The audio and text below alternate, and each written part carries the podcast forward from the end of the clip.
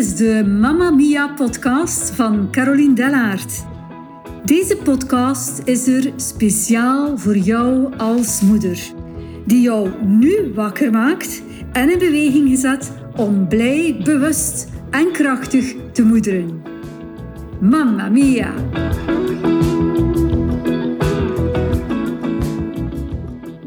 Hallo en welkom bij de podcastaflevering.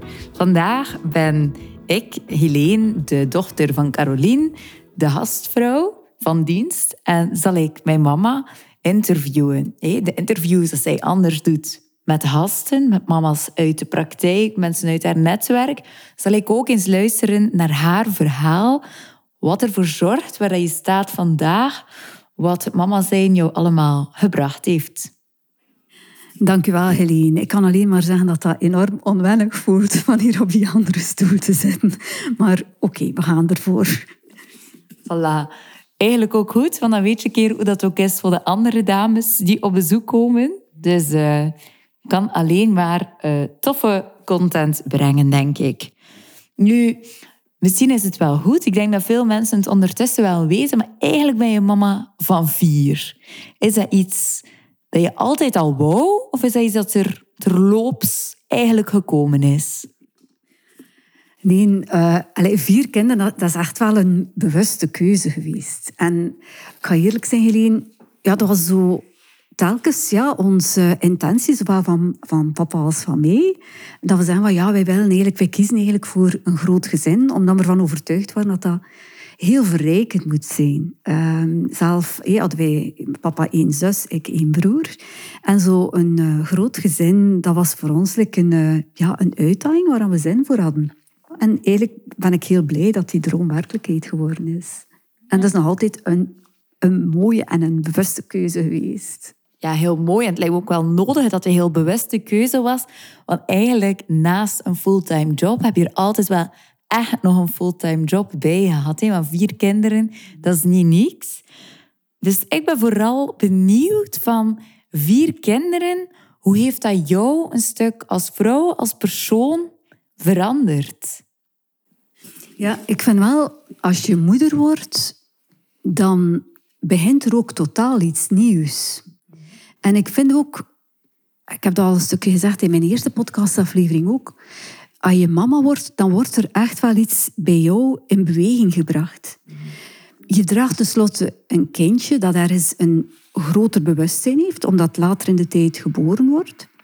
En elk kind zet iets in hang. En ik vind dat alleen maar een verrijking. Nu, het eerste dat mij vooral gebracht heeft, is van elk kind is uniek. Elk kind is anders en vraagt even een andere handleiding wil op een andere manier benaderd worden. En het is zeker niet zoals dat jij het wil of zoals dat jij het in gedachten hebt, dat dat ook voor dat kind juist is. Dus ga echt wel te luisteren wat dat die ander nodig heeft, wat dat, dat kind nodig heeft. En ik herinner me nog altijd de vraag van, van de jongste en derde kleuter, had ik aan mij geschreven voor een uh, balvaardigheden. Zo, en dat was van, van een voetbalclub dat dat uitging.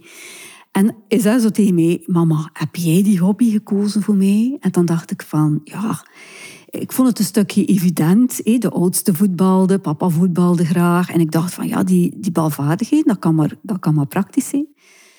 Maar dat was zo een opmerking die mij wel ehm, ook deed stilstaan van, ja, ventje, allez, kijk, ik dat nu gedaan, maar eigenlijk wou jij dat misschien wel niet. En ik vind ook wel die, die nieuwe tijdskinderen, die gaan je er ook op wijzen dat dat niet, allez, dat niet jouw keuze is, maar dat zij ook uh, iets willen zeggen. En allez, ja, dat, dat zij ervan denkt dat dat ook heel belangrijk is. Dus zo, elk kind is anders. Breng je als mama ook andere dingen bij.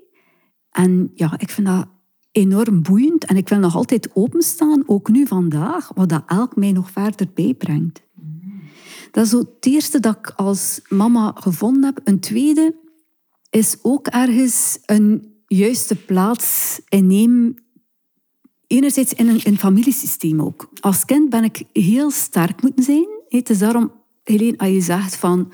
Ja, je had eh, vier kinderen, je had een fulltime job.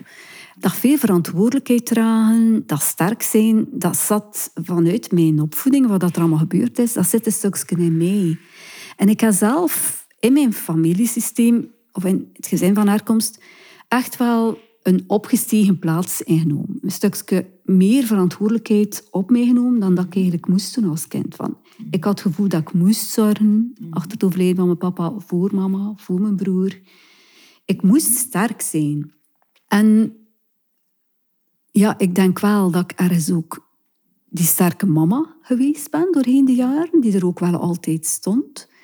Maar nu voel ik van, ja, ik mag eigenlijk gewoon mijn plaats innemen nu als dochter van mijn mama. En jij bent ook dochter van mij. En jij hoeft niet boven mij te staan. En door die juiste, dat elk zijn juiste plaats inneemt, ik kan mijn plaats terug moeten vinden, ga je ook zorgen dat er een flow is van energie. Van die voorouders naar die grootouders, naar die ouders, naar die kinderen, naar die kleinkinderen. Dus dat is een heel... En dat heb ik echt... Die plek heb ik echt wel moeten zoeken. Dat is voor mij ook een zoektocht geweest. Maar nu ben ik heel blij dat ik mijn plek ken. Dat ik op mijn plek blijf staan. En ik weet, het is misschien een beetje moeilijk, maar dat dat eigenlijk jullie ten goede komt. Ja, ik denk voor veel mensen dat dat misschien nog ver van hun bed klinkt. zelf terug je plaats inpikken in een familiesysteem. Nu, het leidt je al wat verder, maar puur moest je nu zeggen van... Wat heeft het jou verrijkt, je kinderen? Wat zou je daar dan op antwoorden? Ik zou zeggen van durven nieuwe wegen inslaan. Bepaalde principes laten loslaten. Gewoon gaan van oké, als, als mama kun je niet anders dan flexibel zijn. Wat dat er zich aandient, oké, dat heb je te bekijken en dat pak je gewoon aan. En je gaat verder en je bent ergens, ik kan niet zeggen verplicht, maar je kan niet anders dan ook nieuwe wegen in te slaan, uh, nieuwe mogelijkheden te zien. Er zijn zoveel mooie dingen die je aangereikt worden, waar je op voorhand nooit had je gedacht dat er daar interesse van jou naartoe ging gaan. En dan denk ik aan jou, Helene, ook die wereld van, van ballet en van paarden. En bij Klaas, eh, die, die, die wereld van film ook, bij de wereld van, van piano, bij Lucas ook de, de, wereld van, ja, ook van dieren. Van, er is zoveel die, die naar je toe komt en die je eigenlijk als persoon uh, verrijkt. Dat vind ik eigenlijk wel het mooiste. Ja, oké. Dus eigenlijk dat je veel verder kijkt van wat zijn mijn interesses, maar dat je automatisch een stukje meegesleurd wordt op het pad van je kinderen en dat ook die interesses weer een verrijking zijn voor jou. Daar gaat het dan voor jou echt om. Oké. Nu, je zegt, het heeft me heel veel verrijkt. Op vandaag, wij, wij schelen 30 jaar. Jij bent er 57, ik binnenkort 27. Wat zou je nu een stukje als tip geven naar jezelf? Ah, je 30 jaar jonger zelf. En toen had je net een kindje, je eerste van vier, van één jaar. Ik zou zeggen van, ten eerste als mama voel van in het begin, vanaf dat je zwanger bent. En dat voelen van in het begin en dat invoelen hoe dat, dat kind is, dat zorgt voor een, een hele goede hechting. En zorgt er ook voor dat jij ergens ja, expert bent van je kind. Weet wel, als dat kind reageert of huilt, of dat je weet ergens wat dat er scheelt. En ik zou zeggen, en vertrouw op dat gevoel. Vertrouw op je intuïtie dat je eigenlijk als mama hebt. Is nodig, kan je hulp vragen. Maar als je hulp vraagt, blijf kritisch. Neem mee wat ze zeggen, maar blijf voelen of dat wel juist is. Of dat klopt voor jou en of dat klopt voor je kind. Want elk kind is anders. En elk heeft zijn eigen verhaal. En als je dat doet, kan het niet anders dan dat dan dat klopt. Dus zoek geen bevestiging in de wereld rondom jou, maar luister naar jezelf, pak de informatie mee uit die wereld. Maar luister, voel vooral bij jezelf. Ja, klinkt me ook een hele mooie tip. Nu, ik ken je goed en ik weet dat jij als persoon ook uh, heel sensitief bent, heel intuïtief. dat jij een heel sterk gevoel... Je bent een gevoelsmens, ik ga het zo zeggen. Nu, ik kan me voorstellen, zeker als je jonger bent, is dat soms misschien nog net iets moeilijker. Of ik denk in de wereld van vandaag dat soms een uitdaging is om echt stil te staan en te voelen. Net omdat we heel vaak druk zijn, doorgaan. Heb je soms tips dat je zegt van kijk, als je wil starten met voelen, wil starten met luisteren naar het vertrouwen op je intuïtie. Het klinkt heel makkelijk, maar het is niet altijd een evidente. Ik denk dat sowieso belangrijk is allez, voor elke mama dat je ergens, op momenten van rust inbouwt. En ook al lijkt dat misschien voor jonge moeders heel moeilijk, er is een minimum aan eigen tijd en ruimte dat je nodig hebt. Al is dat je s'morgens een klein beetje vroeger opstaat dat je tijd hebt voor jezelf, of dat je een keer tijd neemt om, om een theetje of een koffietje te drinken. Ik denk dat dat voor iedereen is, of dat je nu mama bent of niet. Dus zelf heb ik dat echt wel nodig. En denk ik wel dat ik dat toch ook wel gedaan heb.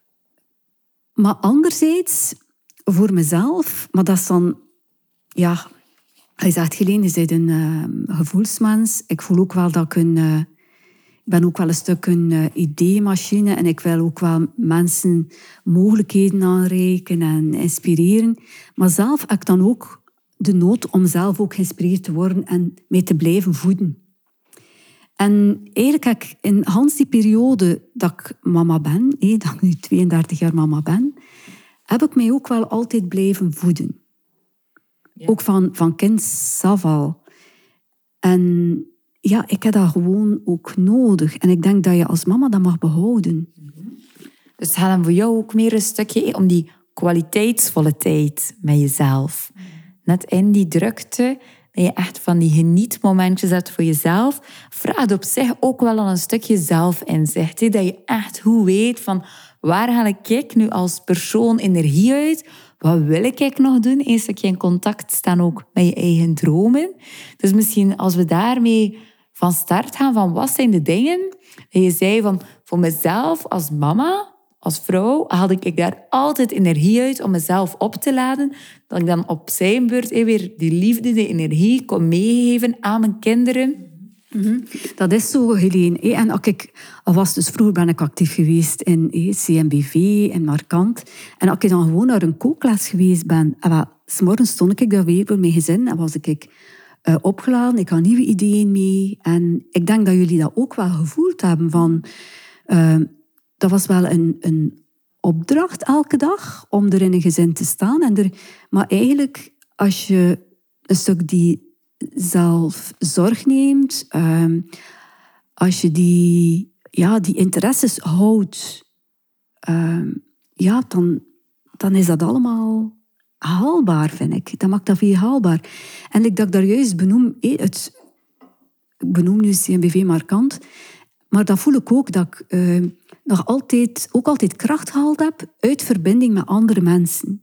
Ik, ik ben, ik gezegd, ja, ik zie graag mensen, ik ben geboeid door verhalen van mensen. Um, zij leren mij iets bij.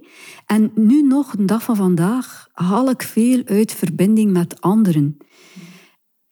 Ja, ik denk dan ook aan, allez, aan mijn gezin. Verbinding met mijn gezin, daar haal ik heel veel uit. Uh, ook verbinding vanuit de vereniging Touché, waar ik nog in zit. Ook verbinding in de vrouwengroepen dat ik begeleid. En dan voel ik dat die verbinding ergens overgaat naar verweven zijn. als je een verbinding hebt, dat is like een draad. Maar als je verschillende draden zijn die stevig zijn, dan krijg je ergens een weefsel.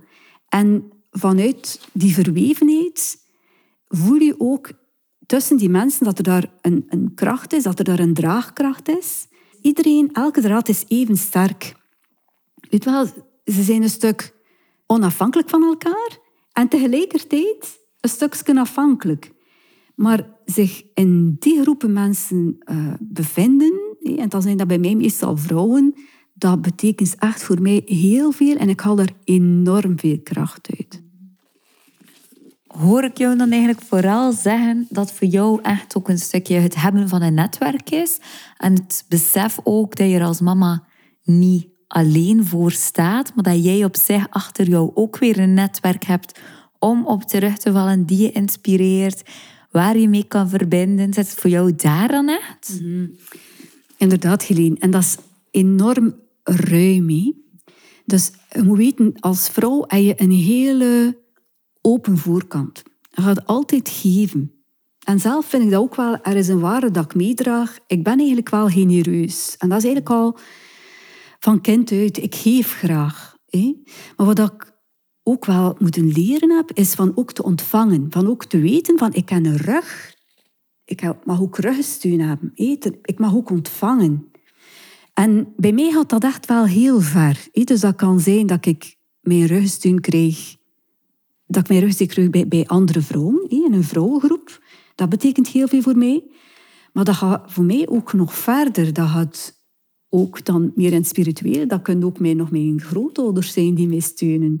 Of dat kunnen ook meesters zijn die mij steunen. Dus ik zie dat echt wel heel ruim. Maar dat is voor mij heel belangrijk. Ja, en ik zou dat niet zonder kunnen. En je staat er ook niet alleen voor. Dat is echt een diep weten. Van, je staat daar niet alleen op. Dat is ook wel echt een groeiproces geweest, hè? Ik kan me voorstellen, als je kijkt naar je 30 jaar jongere zelf, dat je dat toen nog niet zo besefte als vandaag. Ik denk de laatste tien jaar dat je voor jezelf nog gigantisch en gegroeid bent. Maar dat is echt wel een heel geleidelijk proces geweest. Mhm. Hoe ben je daar voor jezelf een stukje in dat pad terechtgekomen? En dan denk ik vooral een stukje het spirituele pad. Als ik hier goed nadenk en als ik denk wanneer dat die weg van spiritualiteit begonnen is, zou ik eigenlijk durven zeggen, in mijn stage als apotheker. Of misschien zeggen van, allee, hoe kan dat nu? Maar ik had dus een uh, stagemeester, uh, Christine Matthijs, in Zaflaren. En zij was apotheker, maar zij pendelde ook. En zij deed astrologie. En ik had dan door de spanning in mijn uh, examenperiode, last in mijn schouders. En zij wees me al de weg naar osteopathie. Of met mijn lage bloeddruk, acupunctuur. Dus eigenlijk ging er daar een, uh, een deur voor mij open. Um, ik was toen ja, ongeveer 22, denk ik. En ja, ik denk dat je soms ook bepaalde mensen nodig hebt uh, die toevallig op je weg komen eh, en die ergens die deur openzetten. Maar wel die deur die opengezet werd, dat was zo van, amai, er is meer, hé, en wat is er nog? En dat zijn eigenlijk de vragen dat ik eigenlijk de rest van mijn leven mee blijven stellen ben. En dan een tweede die mij enorm in, in, in groei gezet heeft, is gewoon mama worden, is moeder worden, mijn moederschap. En dan kom je opnieuw in bepaalde ervaringen tegen met je kinderen en kom je op bepaalde kruispunten dat je opnieuw te kijken hebt van, ja, en wat is er nu nog? Ik sta nu met mijn rug tegen de muur, en wat is er hier nog? En je blijft zoeken, maar je wilt, wilt dat vinden voor je kind. En zo was er ook een, met uh, een, dochter een, gezondheidsprobleem. Maar die zorgde ervoor dat ik echt niet wist uh, waarin of waaruit.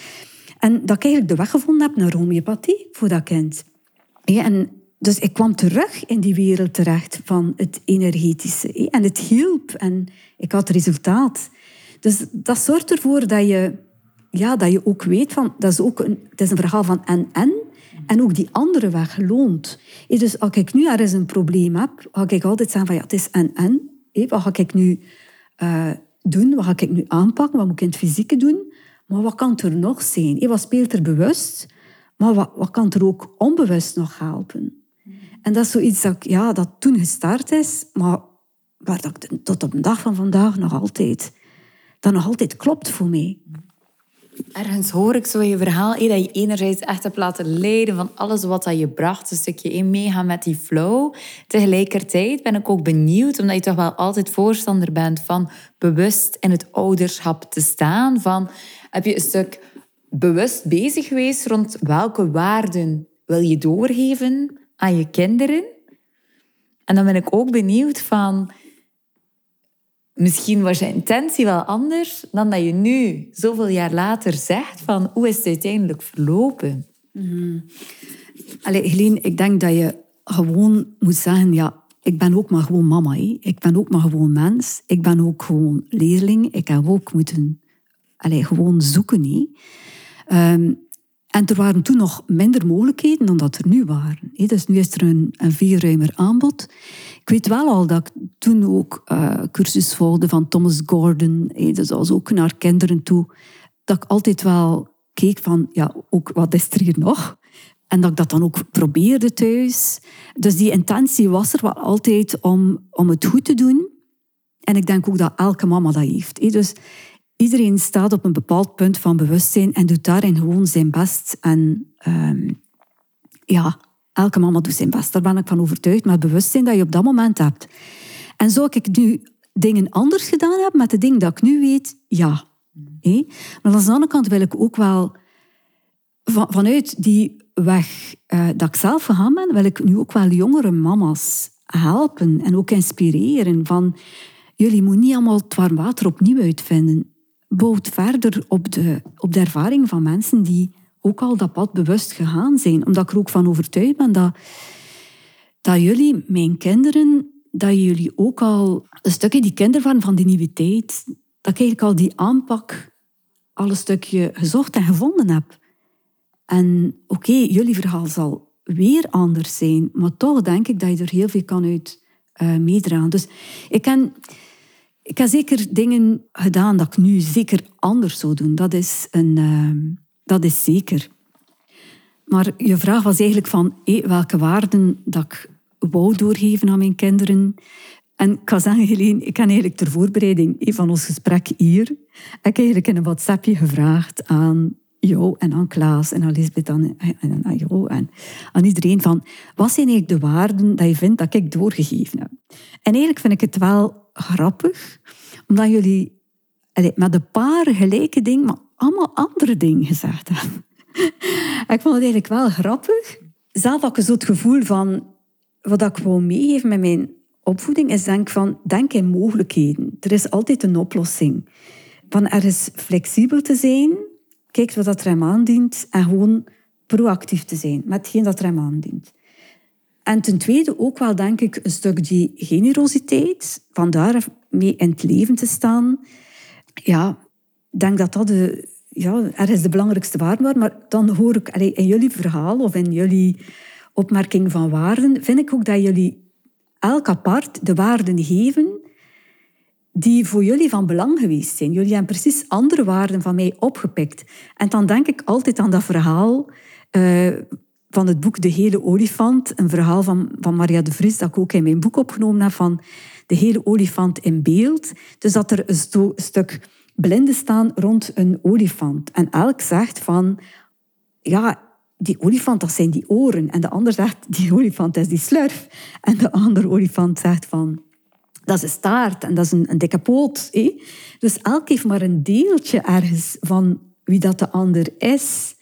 En dan denk ik ook, Helene, gewoon als jij hier nu zit, dan denk ik van, ja, oké, ik ken Helene, maar eigenlijk weet ik niet wie dat jij bent. Ik ken een stuk van jou en daarom wil ik altijd nieuwsgierig zijn, ook naar die andere stukken.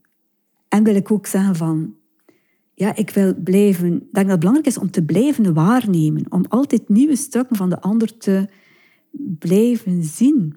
Ja, dat begrijp ik. Ik kan het volledig plaatsen. En ik denk dat ook logisch is dat ieder voor zich eruit gaat. En dat het eigenlijk een stukje ja, een cirkel is die rond is. Want je start wel met wat heeft mama zijn mij nu gebracht, dat elk kind uniek is. En op zich is het eigenlijk weer een bevestiging daarvan. Hè? Nu ben ik juist nog benieuwd.